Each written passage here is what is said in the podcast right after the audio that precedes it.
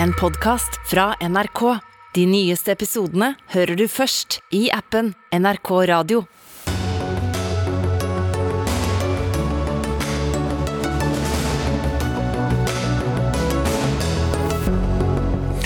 Antallet kanselleringer tiltar som følge av flyteknikerstreiken. Hvorfor må de streikende opp så mye i lønn, spør vi, og hva kan dette få å si for flyselskapene på lengre sikt?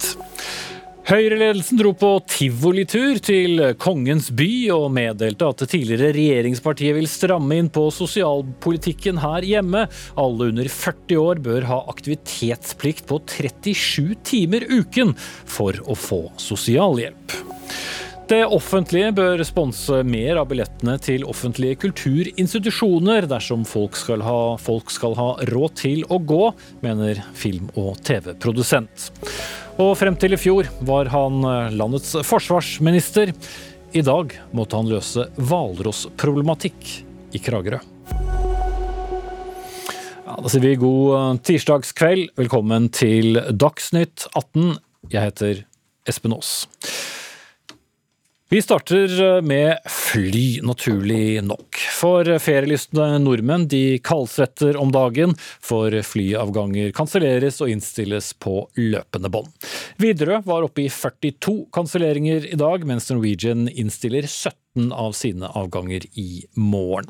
De turbulente forhandlingene mellom Norske flyteknikerorganisasjon, NFO og NHO Luftfart står bom fast, og NFO har altså tatt ut 106 av sine drøyt 400 medlemmer i streik, og flere kan det bli dersom dette fortsetter. Det handler om penger, som det gjerne gjør i lønnsforhandlinger, mens det generelle tillegget i frontfaget var på om lag fire kroner timen, krever NFO 60 kroner ekstra i timen, som vil gitt en lønnsøkning på om lag 18% Administrerende direktør i NHO Luftfart ville ikke stille i studio, men sier at dette kravet er urimelig. Men det er ikke noe urimelig krav for dere, Petter Vettere. Du er sentralstyremedlem i NFO. Hvorfor trenger dere dette lønnshoppet? Det er en svært alvorlig situasjon vi er i når det gjelder bemanning, og ikke minst utfordringer i forhold til alderssammensetning. Og det gjør at det er altfor lite folk på jobb. Og i de, den jobben som jeg har, eller der jeg jobber, så er det bare 80% av stillingene som er besatt. Vi klarer ikke å, å rekruttere folk til de resterende 20% Og vår løsning på det er å ha en lønnsøkning som gjør at yrket blir konkurransedyktig med andre yrker som stjeler vår arbeidskraft. Mm. Men med en lønn på rett under 800 000, grunnlønn på rett under 800 000 i, i året, det er vel i utgangspunktet ikke noen dårlig lønn? Nei, det er nok ikke en dårlig lønn det, men den lønna der er nok i øvre sjiktet av det som vi har og kan sammenligne med. For da har du tatt med alle de ulempetilleggene og de verste skiftplanene og den lengste ansienniteten osv. Så, videre, så det enda, kommer det nok opp i de summene, ja. Men begynnerlønna er jo langt, langt lavere, og det er der vi fortrinnsvis rekrutterer. Og vi klarer ikke å fylle skolene. Vi klarer ikke å få de beste elevene inn i flyfag, fordi de søker til andre yrker. Mm. Og der er altså ikke arbeidsgiversiden ansvaret bevisst, da, mener dere, og, og slik sett så tar dere ansvaret for økt rekruttering med å, å komme med ganske høy lønnskrav? Altså, det er jo sånn at uh, det må gjøres noe nå. For om fem år så er uh, situasjonen alvorlig mye verre. Vi kan ikke vente, vi må gjøre noe nå. Og dette er et tiltak som vil hjelpe, men vi er jo åpne for forhandlinger. For å, altså Problemstillingen må vi bli enige om først, og så får vi finne løsningen etterpå. Vårt, vårt forslag til løsning er jo dette lønnstillegget, da, som gjør at inngangslønna blir konkurransedyktig. Uh, ja, konkurransedyktig mot hva da? Ja, mot andre yrker. Altså Det lekker uh, kompetanse fra flyfag ut i andre yrker. Vi er relativt attraktive på tekniske arenaer rundt omkring i alle yrker, egentlig. Og da folk søker seg dit hvor det er bedre, lettere arbeidsforhold, altså mindre nattejobb, mindre belastning, Og, og fri helger og helligdager og samme lønn eller bedre. Det er jo en god del eh, nordmenn som eh, er hva skal vi si, en anelse mellomfornøyd med at det endte i, i, streik nå, og det vet jeg mange av dine medlemmer også merker på, på kroppen. Men hva sier du til folk som er fly forbanna på at det blir streik nå? Nei, det, vi, vi, prøver jo å forklare dette her, sånn som jeg prøvde å forklare det for dere nå. Og vi er jo forhandlingsbare, så vi er jo ikke låst på denne løsningen. Det fins andre løsninger, eh, men vi må gjøre noe som eh, fungerer eh, fort. Vi kan ikke sette ned noen komiteer som skal jobbe i flere år, for da er det for sent. Mens vi snakker sammen nå, Vettere, så varsler faktisk NHO og NHO Luftfart lockout i denne flyteknikerstreiken fra natt til søndag. Og dermed så kommer altså ingen av dere på jobb. Hvordan svarer du på det her på, på stående fot, eller sittende i bil? Det er vanskelig for meg å ta stilling til nå. Det er jo et, eh, et trekk som de da valgte å gjøre ut fra den situasjonen de er i. Det, det er jo en del av spillereglene, det også. Mm. Jeg er ikke veldig overrasket, men eh, det er sånn det er. Mm. Og for dere som ikke kjenner terminologien, altså mens uh, fagforeninger da kan ta ut medlemmer i streik og ikke møter på jobb, så er lockout arbeidsgivers lovlige virkemiddel, og da stenger de alle ansatte ute for streik. Og så er det da et spørsmål hva det får å si for dynamikken uh, videre. Frode Steen, du er professor i samfunnsøkonomi ved Norges handelshøyskole og ekspert på, på flyfart. Det som vi nå ser i, i flytrafikken, det handler jo ikke bare om arbeidskonflikt, eh, men også en del andre forhold. Men hva kan dette få å si for bransjen på, på lengre sikt? Nei, altså Nå ble jeg jo litt fristet først å kommentere dette vi sagt i sted, men la meg nå først ta det store bildet. og Så tenker jeg at uh, Det er klart at det er veldig lite musikalsk å ha en streik midt i feriesesongen etter et år der selskapet, nei, to år der selskapene har slitt. Der endelig norske kunder har lyst til å komme seg ut og reise og har spart opp penger. Det er liksom sånn, eh, det er nærmest også, det er litt sånn eh, under beltestedet-type streik, tenker jeg. Eh, og så er jo begrunnelsen gjelder flyteknikerne helt forunderlig. Hvis det er et etterspørselsproblem her, nemlig at det mangler teknikere, eller at det mangler teknikere om fem år, så er jeg ganske sikker på at flyselskapene har det veldig bevisst.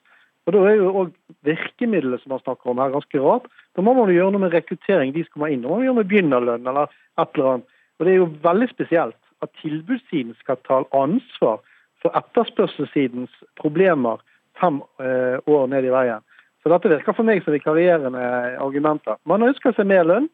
Man ønsker å utnytte muligheter. Man har noe som eh, tydeligvis går på at man er, har mangel på denne Eh, denne gruppen. Men dette var en veldig merkelig begrunnelse for en streik. Mm. Dette ville sikkert eh, Vettere svart deg på, men han satt i bil og hadde dårlig tid, så vi måtte rett og slett slippe han av gårde, Sten. Men nå står vi altså oppe i en situasjon hvor arbeidsgiversiden varsler lockout fra natt til, til søndag. Hva tror du denne ganske kraftige opptrappingen vil få å bety?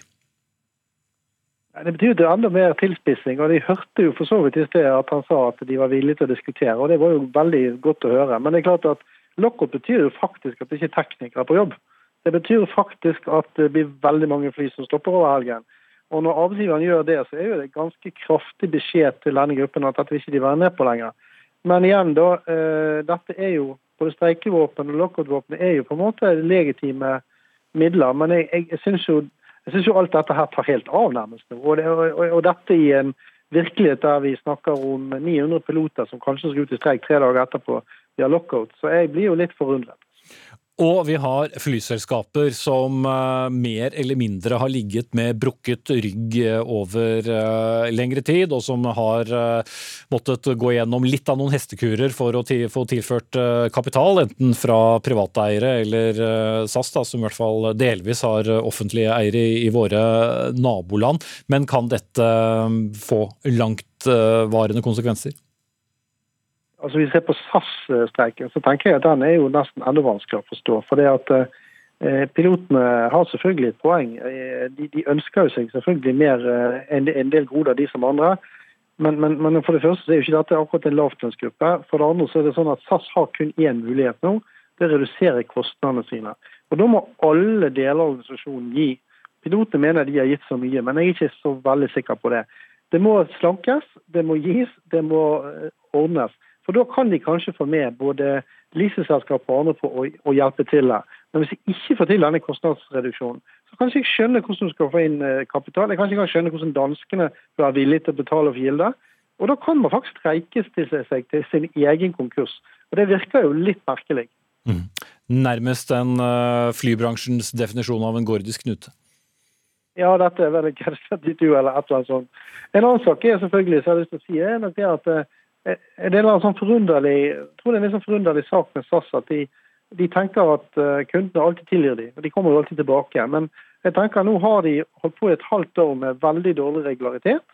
Hvis de nå får en streik på toppen, så er det ganske mange av de kundene som de trenger, altså de kundene som sitter framme i flyet som er faktisk villige til å betale litt ekstra, som har gått til andre selskap. Og det er ikke sikkert de vil tilbake igjen da. Og Det, det, det må jo SAS tenke, ta inn over seg, for de er jo i en situasjon der det viktigste produktet deres, forretningsproduktet, der er etterspørselen gått kraftig ned. Og må, Da må de fylle flere seter med lave priser. Da må de ha lavere kostnader, om de liker det eller ikke. Mm. Eh, takker vi av deg, Frode Steen, professor i samfunnsøkonomi ved Norges eh, handelshøyskole, for den eh, analysen. Thomas Sivertsen, forbrukerjurist i Forbrukerrådet. Det er mange som får problemer som, som, følge av det. Og selv om du nok har gjentatt det noen ganger, hva slags sommer er det Kari og Ali Nordmann står oppi nå med, med mulige, disse mulige fremtidsutsiktene? Nei, Først og fremst så er det jo en usikkerhet der ute som mange nok føler på. Eh, og mange har lengta etter en ordentlig ferietur og kommet ut etter en år med pandemi. Skal kunne vurdere den betydningen for hver og en av oss. Og den usikkerheten folk nå føler på, med reiser som kanskje ikke blir noe av, og blir det streik og blir det ikke streik, og nå hørte vi nettopp at eh, arbeidsgiversiden varslet lockout fra, fra søndag, noe som vil bety mange, mange kanselleringer potensielt, så er det en grunn til å Jeg skjønner at folk er usikre, og, og er usikre nå. Og bare for å ha gjentatt det eller slått det fast, dine rettigheter som kunde ved en arbeidskonflikt, det er ikke så mye. Nei, altså Rettighetene ved en arbeidskonflikt er jo knyttet til hva som har skjedd med flyvningen din. og Blir den kansellert, så har du som alltid ellers rett på en ombooking. Men hvis, eh, eller pengene tilbake, men refusjon er ikke alltid noe folk vil ha. De vil jo ut på, på ferie. Så det er ombooking som er det folk har lyst til å, til å få. Eh, men ved en omfattende konflikt, med enten streik eller lockout som gjør at flyene står, så er det jo åpenbart ikke kapasitet til å plassere alle disse kundene på, på nye flyvninger. Og da, da vil ferien kunne ryke for eller bli avstumpet på, for en del, en del passasjerer. Så får vi legge til at det er jo ikke bare det som er problemet i europeisk luftfart nå, for det er en personellmangel som man knapt har sett eh, maken til, som også gjør at flyvninger eh, kanselleres eh, over både høy og lav sko, hadde jeg snart sagt, utover i Europa. Så om det skulle komme til, til enighet her hjemme, så er det fortsatt mye usikkerhet. Og hvis du nå sitter og hører på Dagsnytt 18 et eller annet sted eh, hvor det er eh, godt og varmt, og du har en flygning eh, hjem, hva, hva da hvis ikke det går? Nei, det er jo det som ofte er utfordringen også. Noen sliter med å komme seg på ferie, andre sliter med å komme seg hjem. Det så vi jo i 2019 da SAS-pilotene streiket i påsken. Da var det mange som ikke kom seg hjem fra påskeferie i det store utland, og måtte tilbringe flere dager, riktignok på hotellrom dekt av flyselskapet, men likevel, det var kanskje ikke den ferien man så for seg. Så hvis det blir en omfattende streik, så kan det hende at du må tilbringe en dag eller to ekstra i dette varme strøket. Eh, rett og slett i påvente av å få et eh, sete på vei hjem. Og har da øh, flyselskapene noen plikt til å betale for din kost og losji? Ja, det er jo heldigvis eh, sånn at rettighetene dine er jo greie nok på det punktet, ved at flyselskapene er pliktige til å dekke både hotell og måltider og flyplasstransport i den ventetiden. Men vi opplever jo at noen passasjerer av og til har måttet fikse seg sjøl og heller ta den eh, pengekonflikten når de kommer hjem. Og, og det er jo greit også å være forberedt på, på, her og nå. Eh, at det kan, hvis det blir en mye, altså, mange avvik, så, så er det tungt med lite kapasitet da, hos eh, noen selskaper, kanskje. Og da, Da må du ofte redde deg sjøl først, og så heller krangle om penger når du kommer hjem. Jeg eh, skal være forsiktig med å spå, men jeg tror du og dere andre i Forbrukerrådet får noen eh, ganske travle dager fremover òg. Takk skal du ha, Thomas Iversen. Du er forbrukerjurist. Og så får vi se om det blir en myk landing eller en buklanding for ferieplanene for folk denne sommeren.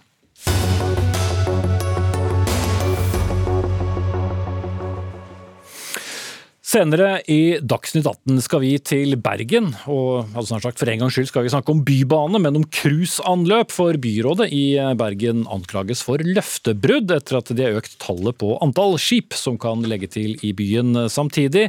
Her har byrådets politikk grunnstøtt, ifølge et av opposisjonspartiene i Bergen.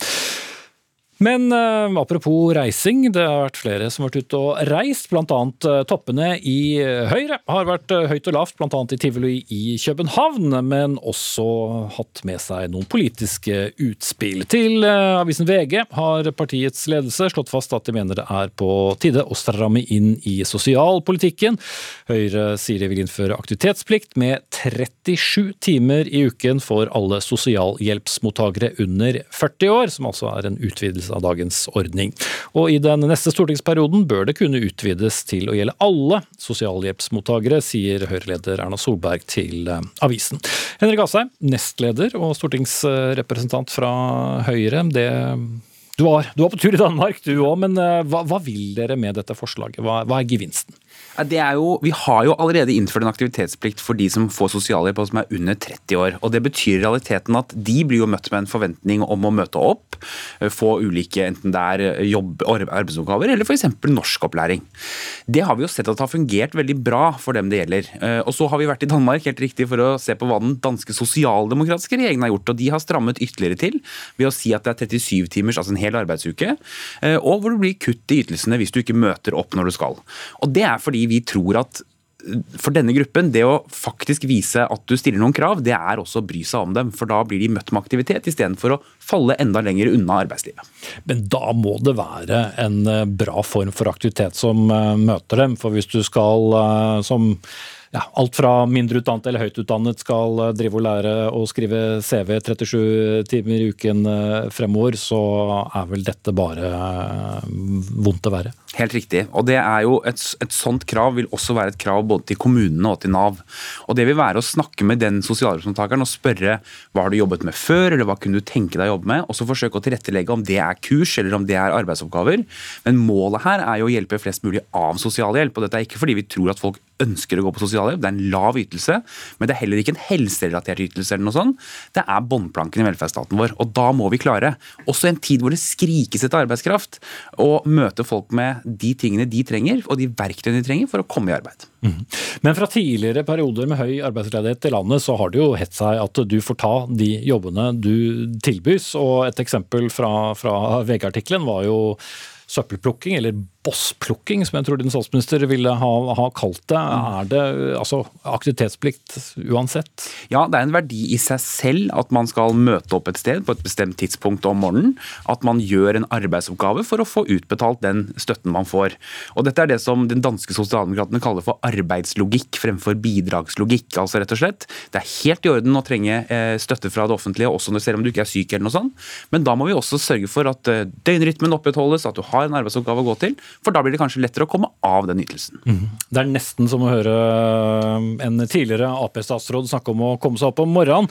Frode Jacobsen, du er stortingsrepresentant for regjeringspartiet Arbeiderpartiet, og får sånn sett svare for dem. Eh, en, en utvidelse av arbeidsplikten for også de opp til 40 år, er det en, er det en god idé? Jeg tror at eh, vi i Norge må gjøre mer av eh, det som virker, og ikke komme med flere pekefingre, som vi ser at eh, Erna Solberg og Henrik Asheim gjør nå.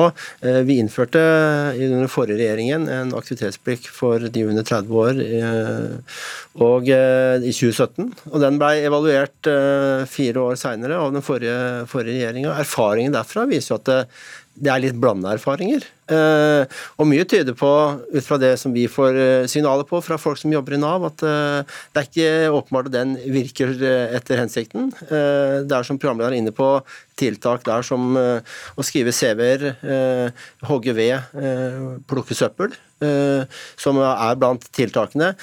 Men det kvalifiserer ikke slik at disse folka får en jobb å leve av. Og Det er det vi ønsker med de tiltakene som vi ønsker å gjennomføre.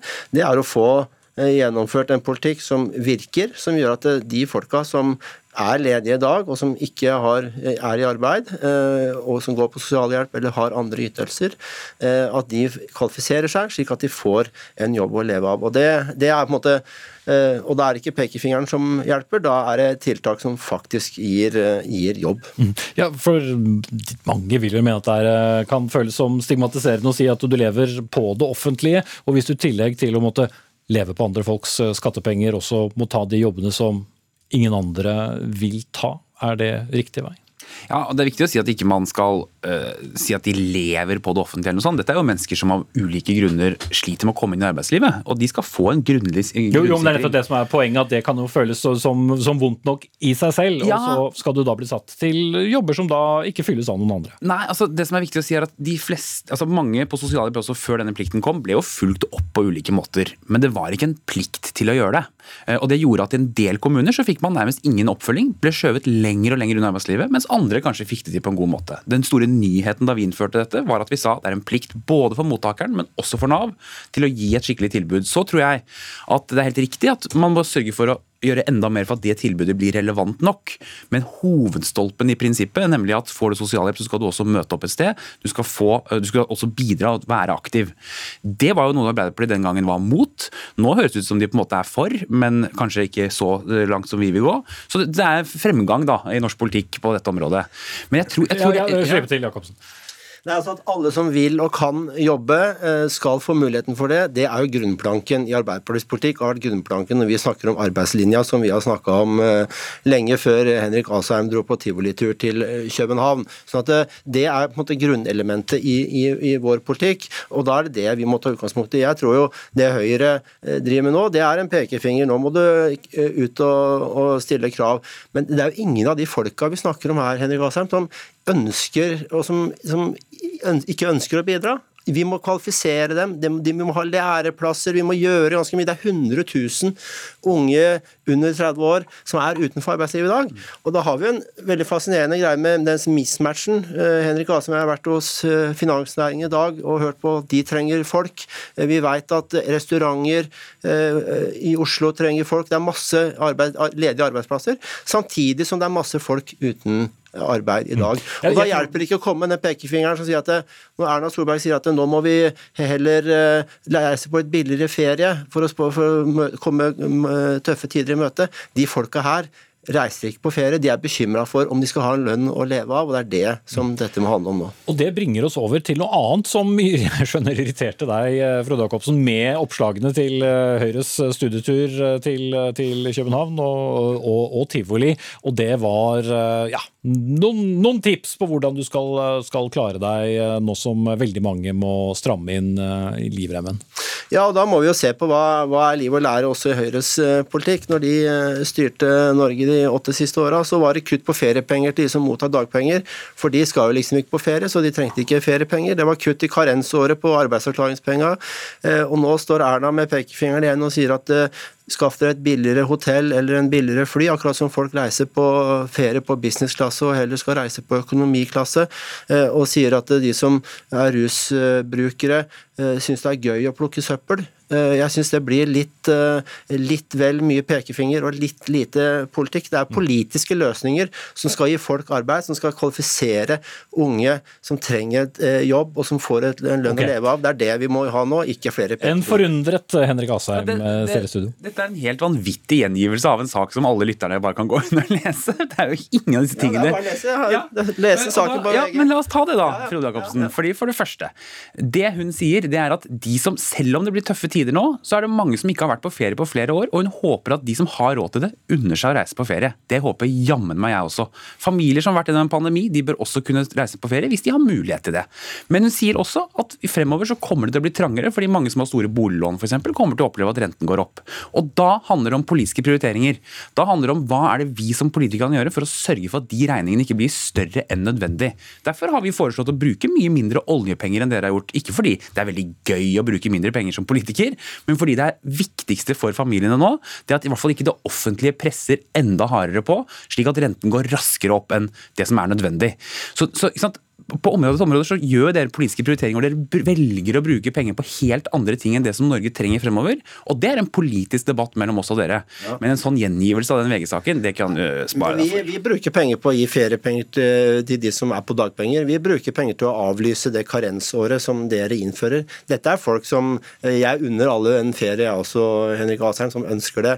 Eh, Men det, det er ikke det som er oppskriften for de folka her. Det er 60% av Norges befolkning skal ikke reise bort på noe ferie. De har ikke noe enten økonomi til eller har ikke mulighet eh, for det. Og min bekymring er jo for de vanlige folka der ute som ikke har en lønn å leve av, som går på ytelser. Vi skal få flere folk over i arbeid. Derfor skal vi ha ungdoms, innføre ungdomsgaranti. Derfor har vi flere tiltaksplasser, flere varig tilrettelagte arbeidsplasser.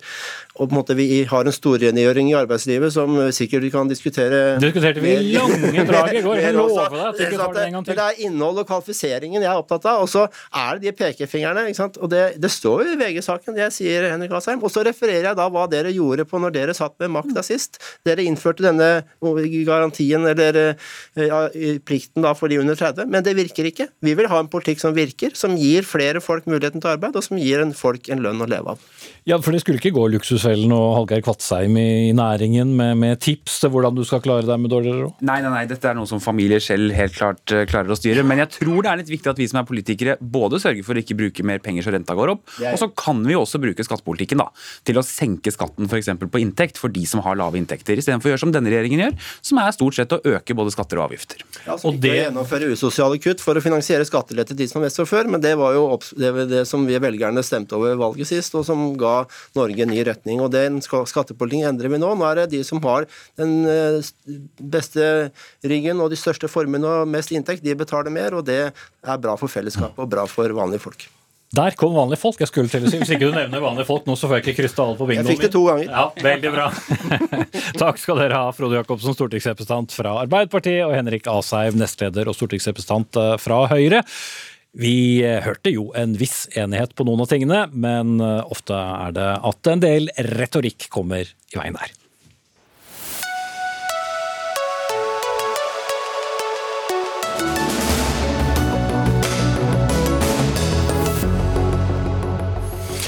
Mye har vært sagt og skrevet om prislappen på det nye Nasjonalmuseet, som kostet alle sine milliarder, og alle skattekronene våre som gikk med.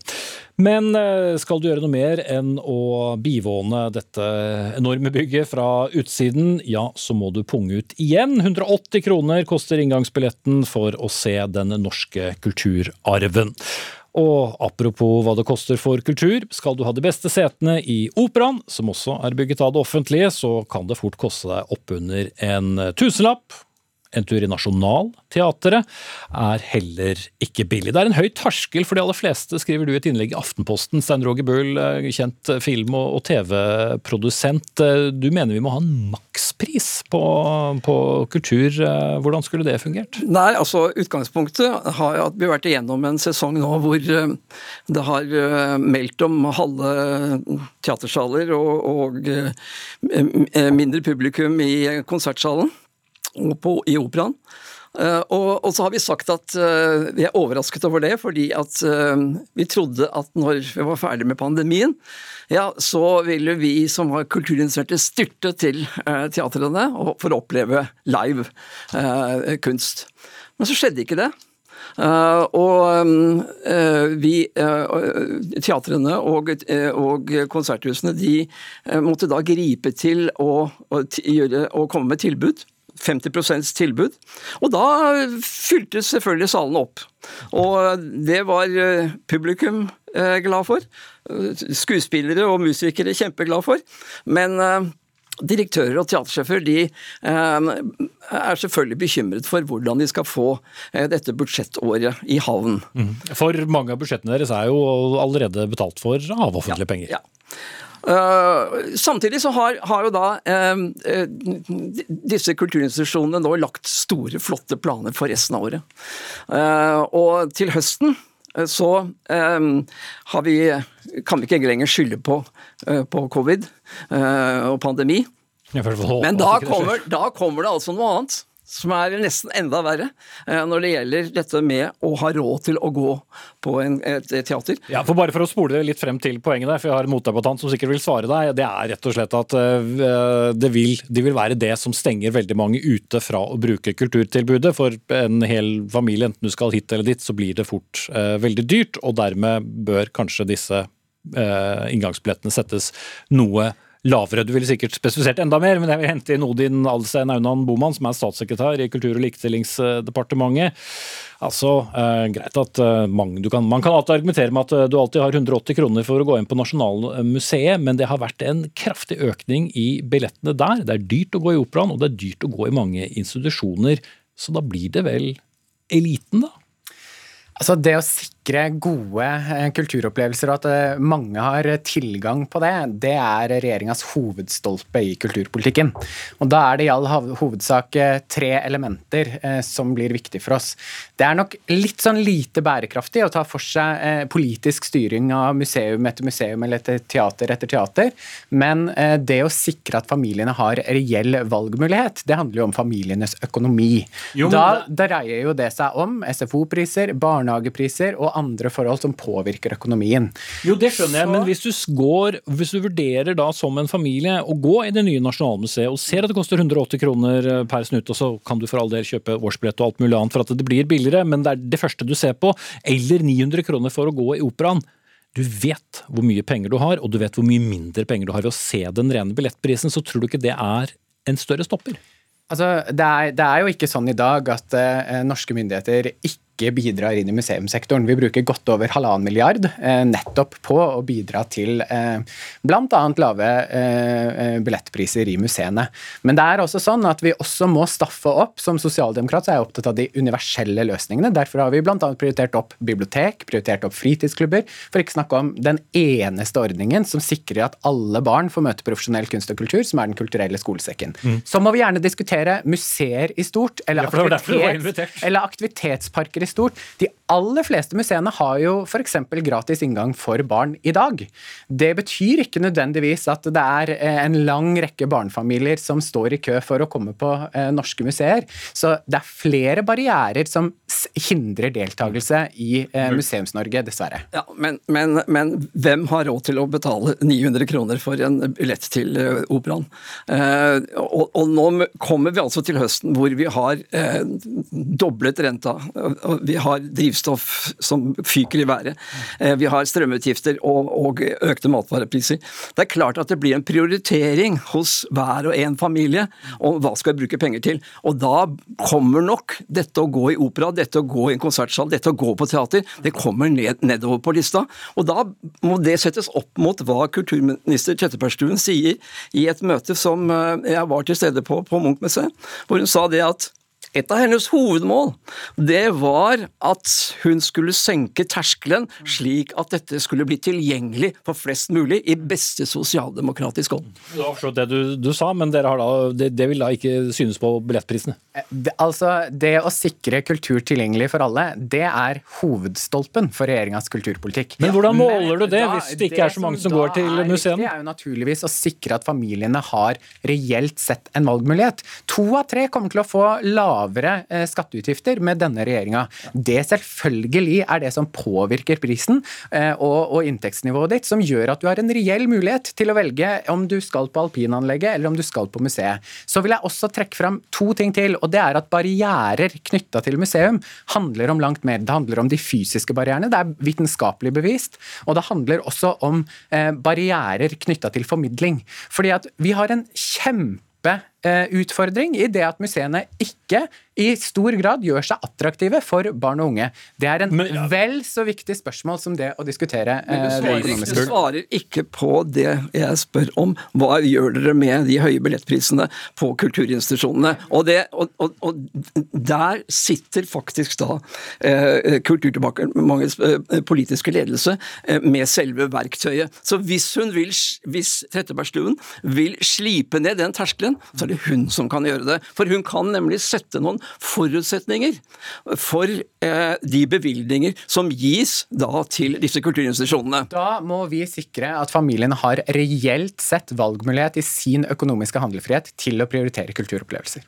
Ja, men det var jo ikke det han sa. Altså Spørsmålet var om dere ville sette ned prisen. Var det en annen måte å si nei Vet du hva, Vi kan godt diskutere museumspriser i stort. La oss gjøre det. ikke- nå- Nei, men- ja, ja, men- ja, men hold vi på kan nei, men- La oss diskutere eh, kulturpriser da, generelt sett. Vi har jo blant annet sagt at vi ønsker å avvikle ABE-reformen. Det gjør selvfølgelig noe med institusjonsøkonomien i Norge. De, de har fått et kutt på en halv prosent hvert eneste eneste men tror du eh, folk tilskudd for, eh, flest sitter og tenker de på det når de vurderer årene. å kjøpe Ja, jeg tenker jo i hvert fall at styrene i hver enkelt museum og hvert enkelt eh, eh, kulturinstitusjon reelt sett må ha en bedre økonomi hvis man skal prioritere bl.a. å sette ned billettprisene. Selvfølgelig forventer Kulturdepartementet at hvert enkelt styre i landets kulturinstitusjoner diskuterer hvordan de kan gjøre kultur tilgjengelig for folk flest. Men Og dermed også lavere pris. Jeg må, må dessverre runde dere av. Stein Roger eh, film- og TV-produsent. Eh, Dere må ta den siste ordvekslingen på utsiden. Odin Adelsen Aunan Boman, statssekretær i Kultur- og likestillingsdepartementet fra Arbeiderpartiet. Jeg puster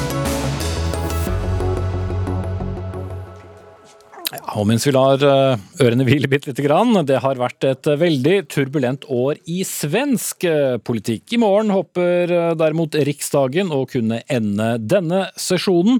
Håpet er, eller håper er for så vidt stikkordet, fordi aller først må mindretallsregjeringens forslag til revidert nasjonalbudsjett få flertall. Det kan annet avhenge av hva den uavhengige representanten Amine Kakabave lander på. Parisa Høglund, politisk kommentator i Sveriges Radio. Hvor eh, stor er muligheten for at eh, budsjettet går igjennom i morgen? Ja, det er en eh, bra fråga. Det undrar flere stycken. Amina Kakabaveh har ikke velat ge något besked i dag om hur hun skal rösta. Så ännu er det faktisk oklart var hun skal lägga sin enda men veldig tungt vägande röst morgen i budgetomröstningen. Og hvor, hvordan har da én representant klart å bli så avgjørende? Det er takk for velgerne helt enkelt som har røstet som de har gjort. Det parlamentariske läget i Sverige er ju rätt komplicerat. Vi har två sidor som har lika många, ma- eh, lika många riksdagsledamöter i riksdagen, 174 var. Och eh, när det är 349 platser i riksdagen då blir ju den där sista rösten väldigt tungt vägande och den sitter Amineh Kakabaveh på just nu fram till valet får tilläggas. Eh, Efter valet i september så kommer inte hon längre sitta i riksdagen. Men hon, eh, hon, hon, hon arbetar hårt just nu kan man säga fram till, till valet. Ingeborg Moe, utenriksjournalist i Aftenposten. Du har fulgt svensk politikk eh, tett det siste året, og allerede i fjor sommer så dro spenningen seg til eh, da det ble et eh, skifte. Magdalena Andersson overtok etter Stefan Löfven. Hvor mye har skjedd siden da?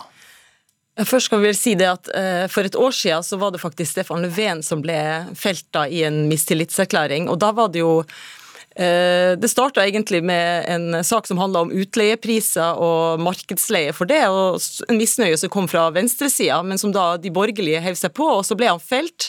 Det ble noen runder da med å prøve å stable på beina et alternativ, men det gikk ikke. Og så skulle Magdalena Andersson da overta i november.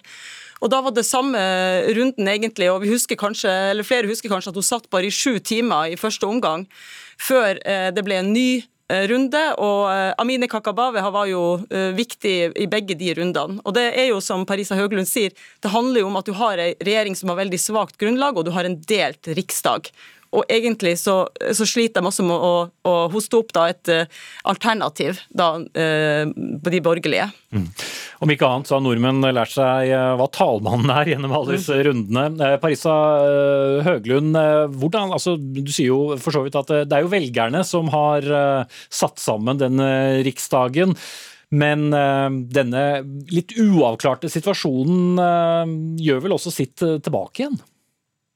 Eh, en gang til, forlåt, det siste ja, jeg ikke. Nei, altså Hvordan oppfatter da eh, de, de, svenske velgerne eh, sammensetningen i Riksdagen, og hvordan den fungerer praktisk? Ja, altså det er en veldig bra spørsmål, Men en del eksperter mener at det finnes en risk for at politikerfortroendet kommer sjunka, förtroendet for riksdagens arbete, for alle partier. Eh, att man just nu upplever ett väldigt stort, att det är mycket politiskt spel som pågår. Eh, samtidigt är ju allting en del av den svenska demokratin. Ingenting är ju författningsvidrigt. Det är inte emot lagen på något sätt. Allting görs Eh, by the book, som man säger. Så att, ehm, men jag tror att många väljare tycker att det är väldigt oförståeligt hur saker och ting går till just nu. Det är komplicerat, det är inte så enkelt att förstå. Alla är inte jätteinsatta i de politiska processerna i riksdagen heller. Man, eh, man följer lite nyhetsrapporteringar och så vidare. Ehm, så det, det, det, är klart att det finns en risk at det här påverkar väljarnas förtroende för politiken. Mm. Og det er aldri lett å være mindretallsregjering, det har vi blitt minnet på her hjemme også den siste tiden. Ingeborg Mo, men hvordan har den sosialdemokratiske regjeringen klart å, å bære denne utfordringen med en, med en delt riksdag? Nei, du har jo hatt uh, mange kriser, da. Og, og, noen kom jo også litt sånn plutselig, sånn som den som var for et par uker siden. For, for bare en måned siden så sto jo Magdalena Andersson og Ulf Kristersson, som er leder for Moderaterna, sammen og eh, pga. denne Nato-prosessen, og nå skal vi være samla. Og, og, eh, det var jo i en TV-debatt der de nesten ikke var uenige om noen ting. Og så kommer da plutselig en sak opp eh, som fører til et mistillitsforslag mot justisministeren. Og så reagerer jo da statsministeren på det og sier at da går hele regjeringa hvis han blir felt. Så det virker som du fikk en situasjon som egentlig ingen ønska da.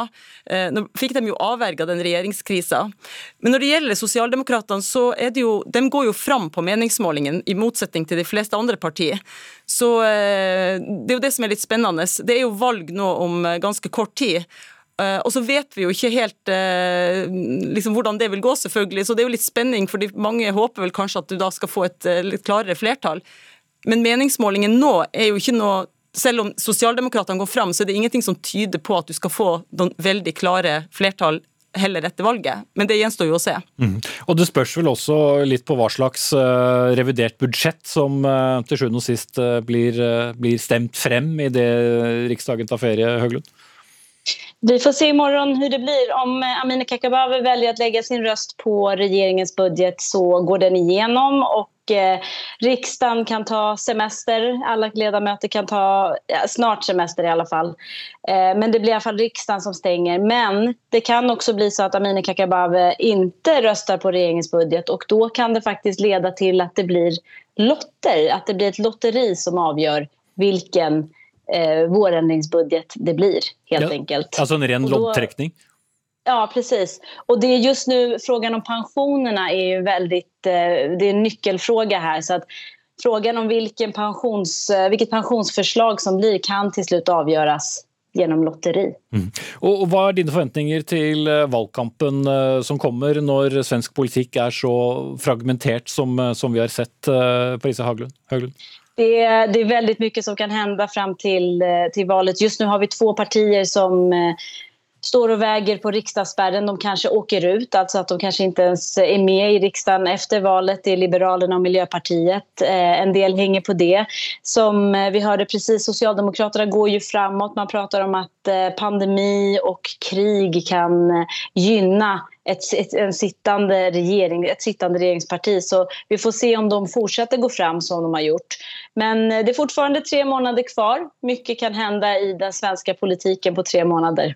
Ja, 11. september er, valgdagen, en dato vi kan utenat. Eh, Ingeborg eh, Mo, eh, med, med bakteppet, nå har jo ikke du noen krystallkule du heller, men det blir i hvert fall en spennende valgkamp? Ja, det blir jo spennende valgkamp, for de har jo en del store saker som de diskuterer. Og, og så kommer dette Nato-spørsmålet opp på toppen, selv om de egentlig har prøvd å unngå at det skal bli en del av valgkampen. Men uh, det blir definitivt en spennende valgkamp. Og uh, det som har skjedd de siste ukene, det som framstår som et ganske stort politisk spill også, er jo et tegn på at man skjerper posisjonene og er opptatt av å markere seg. Mm. Budsjett uh, i morgen, eller kanskje ikke. Parise Høglund, politisk kommentator i Sveriges Radio, og Ingeborg Mo, utenriksreporter i Aftenposten. Takk skal dere begge ha.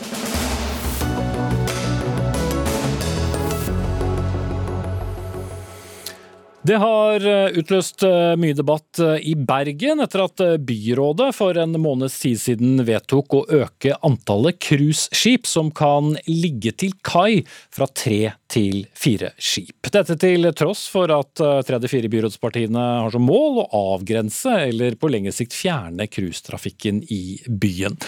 Og det hele har fått deg til å anklage byrådet for løftebrudd, og du skriver at politikken deres har grunnstøtt i et innlegg i Bergens Tidende Mailis Solheim Åkerblom, gruppeleder for Rødt i Bergen bystyre. Hvor, hvor konkret er dette løftebruddet?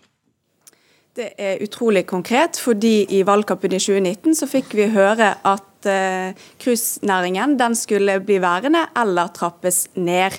I tillegg så hadde vi et vedtak i bystyret i 2020, et enstemmig vedtak om at bystyret stilte seg bak intensjonen om å redusere antall samtidige cruiseanløp og passasjerer.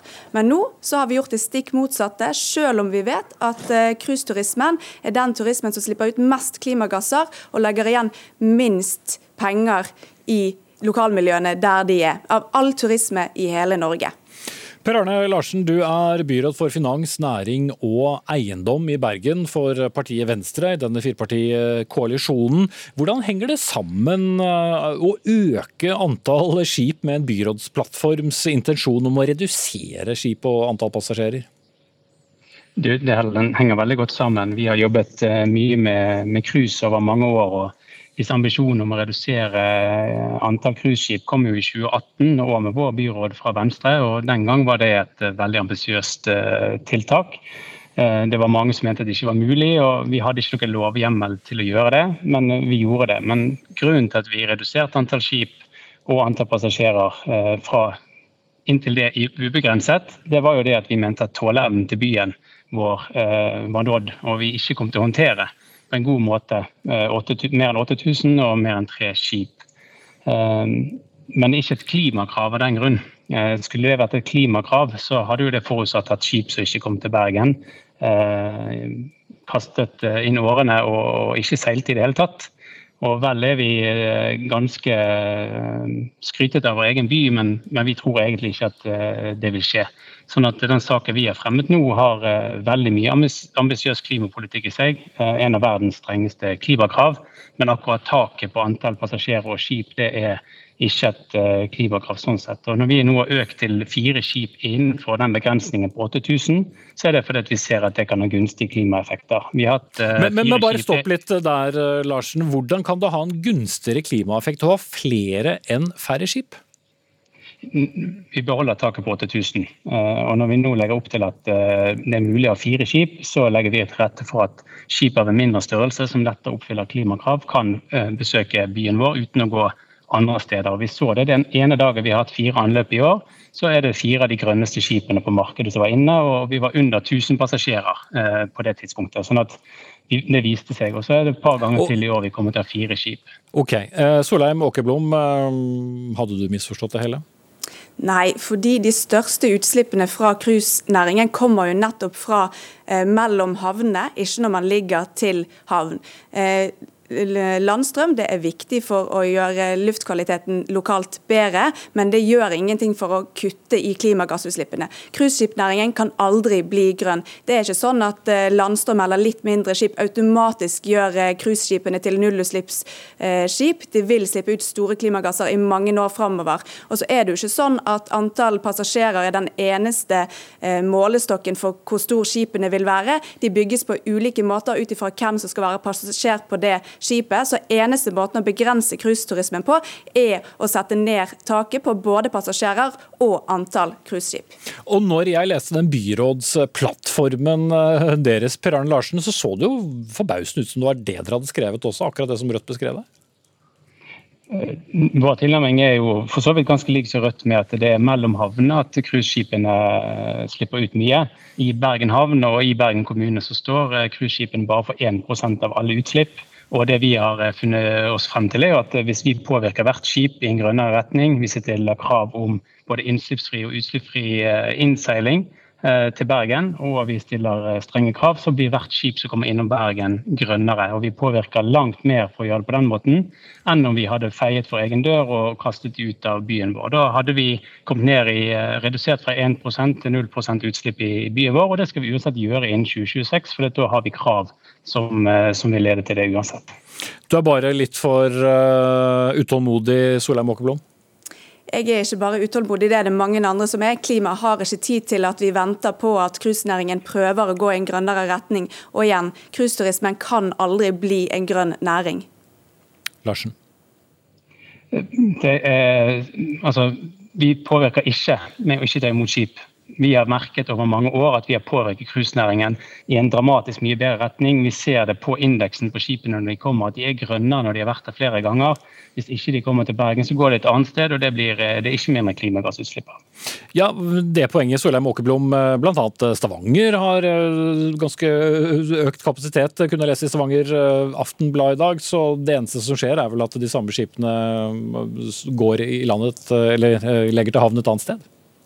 Byrådet snakker jo litt imot seg sjøl når eh, andre partier, som f.eks. Rødt, prøver å foreslå sterkere reguleringer som vil være bedre for klima og miljø, så blir det avskrevet som en måte å gjøre Bergen irrelevant. Mens når byrådet sjøl kommer med forslag som f.eks. For landstrøm, så mener de det at det vil bidra til at eh, næringen går i en grønnere retning. Så her er det en eh, motsetning i den måten byrådet snakker på. Og jeg tror at vi skal tørre å være strenge på de kravene vi stiller. Fordi klima har ikke tid til å vente på at næringen sjøl skal tenke at man skal ta de store grepene. Det er vi okay. nødt til som politikere å sørge for at blir gjennomført. Hvor viktig er cruisenæringen for Bergen, eh, Per Arne Larsen? Cruisenæringen er en av flere næringer som bidrar eh, betydelig til, eh, til Bergen. Det er ca. 500 millioner i året de legger igjen i, i Bergen. og Det er klart at det er viktig for for vår, eh, vårt næringsliv. Det er allikevel ikke hovedårsaken til at vi legger oss på, på, den linjen vi gjør. Vi mener det skal være forutsigbart og bra for, for næringslivet. Og det er for så vidt også et uh, bra tiltak for kulturlivet, som vi har kunnet lest om. Det, de besøker masse kulturinstitusjoner i byen vår og legger igjen mye penger der. Solheim Åkerlom, nå blir det altså opptil fire cruiseskip av gangen. Hva, hvordan vil dere forfølge denne saken videre politisk? Jeg tenker at jeg må kommentere litt det som finansbyråden der sier. fordi til og med NHH sier at cruiseturismen er den turismen som legger igjen minst penger av all turisme i hele Norge. Så vi bør heller satse på en annen type turisme som er mer bærekraftig, og som faktisk ikke legger det presset på både byen vår, men òg bidrar til at vi ikke klarer å løse klimakrisen med mindre vi gjør noe drastisk. Vi trenger å sørge for at uh, disse løftebruddene fra byrådspartiene ikke får lov til å forbigå i stillhet, og vi trenger politikere som tør å vise handlekraft. Klima har ikke tid til flere løftebrudd nå. Mailis Solheim Åkerblom er gruppeleder for Rødt i Bergen bystyre, og Per Arne Larsen, byråd for finans, næring og eiendom i Bergen fra Venstre, fra byrådet som altså består av Arbeiderpartiet, MDG, KrF og Venstre.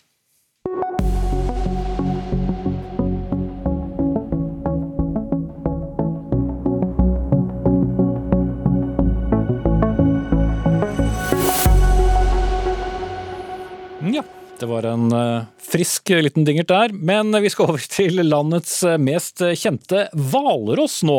Ja, kanskje er det landets eneste kjente hvalross, hvis vi skal legge vondviljen til. Freia, som siden tidlig april har inntatt skjærgården i Telemarkskommunen og kystperlen Kragerø og slått seg til ro. Et eksotisk skue, ja vel, men også mulig fare for båteiere, badende turister og folk som går litt for nærme.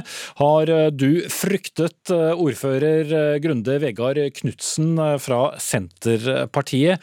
Hvordan ble dette Hvalross-besøket et problem for kommunen? Nei, Det startet med at Freia ble veldig nærgående.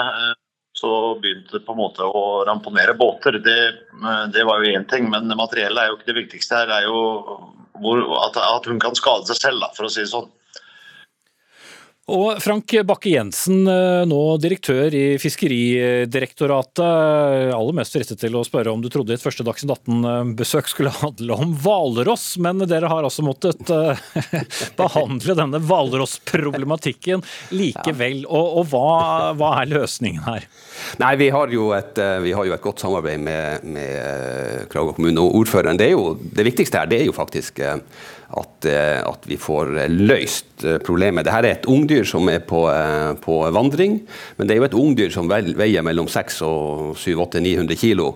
Eh, fett, muskulatur og, og, kjøtt. sånn at eh, her, her det, har vi eh, foreløpig jo kommet til en avtale med, med, kommunen om at det blir lagt ut ei flytebrygge, ei dedikert Valdås-flytebrygge i nærheten. Så får vi se om vi får flytta den bort fra båtene og, og nærområdene. Og så skal vi se etter hvert om vi har en mulighet til å få, til få flytta den, hvis den ikke, hvis den ikke tar til vett og, og, og flytter seg sjøl snart. Etter så mange måneder så er det kanskje håp i hengende hvalrossnøre ordfører eh, Knutsen, men eh, er, eh, er, også Freia blitt en viktig del av, av småbåtmiljøet, eller miljøet i, i, i småbåthavna? Det er jo veldig trist for de som er i småbåtene, men igjen så tenker jeg at vi vil oppfordre folk til å holde avstand. og Nå har vi jo fått ut denne flytebrygga som Bakke Jensen nevnte på. så i løpet av morgendagen så er det modifisert for Freia, så får hun et eget hvilested. og Der håper jeg hun kan være i fred til hun eventuelt finner ut at hun vil dra til trakter etter hvert. Og Frank Bakke-Jensen, Det har jo kommet forslag om alt fra bedøvelse og flytting til faktisk eh, avliving hvis denne flyttebryggen ikke fungerer og Freia kommer tilbake. Hva da? Nei, vi har, det her er jo, eh, er jo, komplisert. Det her er et stort dyr. Det er et vilt dyr. sånn at det at eh, publikum er klar over det og tar hensyn, det er det, det er det, aller viktigste. Så er det sånn at vi samarbeider her med veterinær fra Havforskningsinstituttet. Eh, vi har samarbeid med Polarinstituttet og Universitetet i, i, Tromsø for å ha kunnskap om Der, der har vi jo forskere som har lang erfaring med å flytte denne typen store dyr. Så, så da får vi finne en løsning som, som er innenfor uh, dyrevernhensynene. Eh, det her er et eh, dyr som ikke kan bedøves, sånn at vi må nok bruke noen, eh, noen andre eh, metoder. Det vil der, da være eventuelt forsøke å, å, fange det i en kasse eller et nett, og så få, få flytta den bort deri, derifra. Men det er, en, det er, en, plan vi ser på nå. Nå får vi først håpe at vi, det kanskje funker med, med flytebrygga, at, at, den er fornøyd med å få en dedikert plass. Det er jo ikke, det er jo ikke alle som hadde forakta egen flytebrygge på, på sørlandskysten eller, eller, eller, perlen i Telemark eh, denne tida. Så vi får håpe at, eh, får håpe at det, den planen funker først. Det er ikke så mange som veier opp mot 900 kilo har eh, hjørnetenner på den størrelsen heller, kanskje. Grunde Vegard Knutsen, litt av problematikken med at hvalrossen ikke har hatt noe eget sted, det er jo altså at den har beveget seg opp på, på andre båter, og, og det har da ført til skader. Ja da, det, det, det, stemmer. Og når den da på en måte forviller seg opp i båter og inn i båthavner, så kan det oppstå farlige situasjoner som Fordalen hvor den tulla seg inn i et tau og holdt på å bli kvalt. Hadde det ikke vært personer der og fått skjerten løs, så hadde vi hatt en kjempeutfordring i forhold til Frøya. så Dyrevern er viktig her, og det er som Bakke Jensen sier, det er et stort, tungt dyr. og Vi skal nok sammen finne gode løsninger. Jeg er veldig glad for at direktoratet har eh, vært veldig samarbeidsvillig og på hele veien her. Så det må jeg bare få takke for. Men du vet jo ikke resultatet. Bakke-Jensen, hva da om eh, Freya tipser om eh, denne kystperlen for flere Hvalross-kolleger? Så kan det jo bli ganske så hvalrossomt eh, der nede. Hva gjør dere da? Ja, nei da, det er jo, det er jo, det er jo altså, Relatert til det forrige innslaget, så er det jo mer miljøvennlig turisme det her enn cruisetrafikk. Så, eh, så, blir jo spørsmålet om hvordan man skal legge ned igjen. Nei, altså Ungdyr streifer, men det er veldig sjelden. Vi, vi har hatt uh, ungdyr altså Island, Skottland, Storbritannia. Det finnes eksempler i media for at det har vært ungdyr på streif, men, men, det er altså ikke noe, noe masseturisme. sånn at det er jeg ikke så redd for. Men som sagt, her er en viktig beskjed her, og det er at folk er obs på at det her er et vilt dyr. Så her nytter det ikke om man har sett alle episodene av Valpeskolen. Her må man ta hensyn og holde seg unna.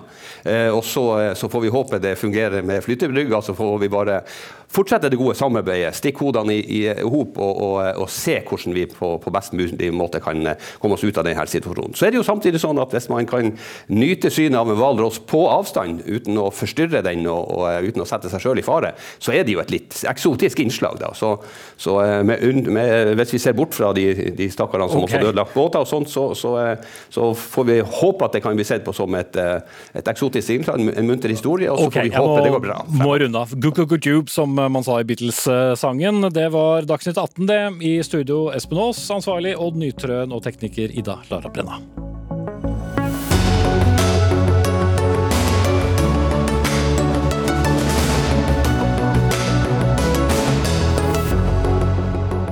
Du har hørt en podkast fra NRK. De nyeste episodene hører du først i appen NRK Radio.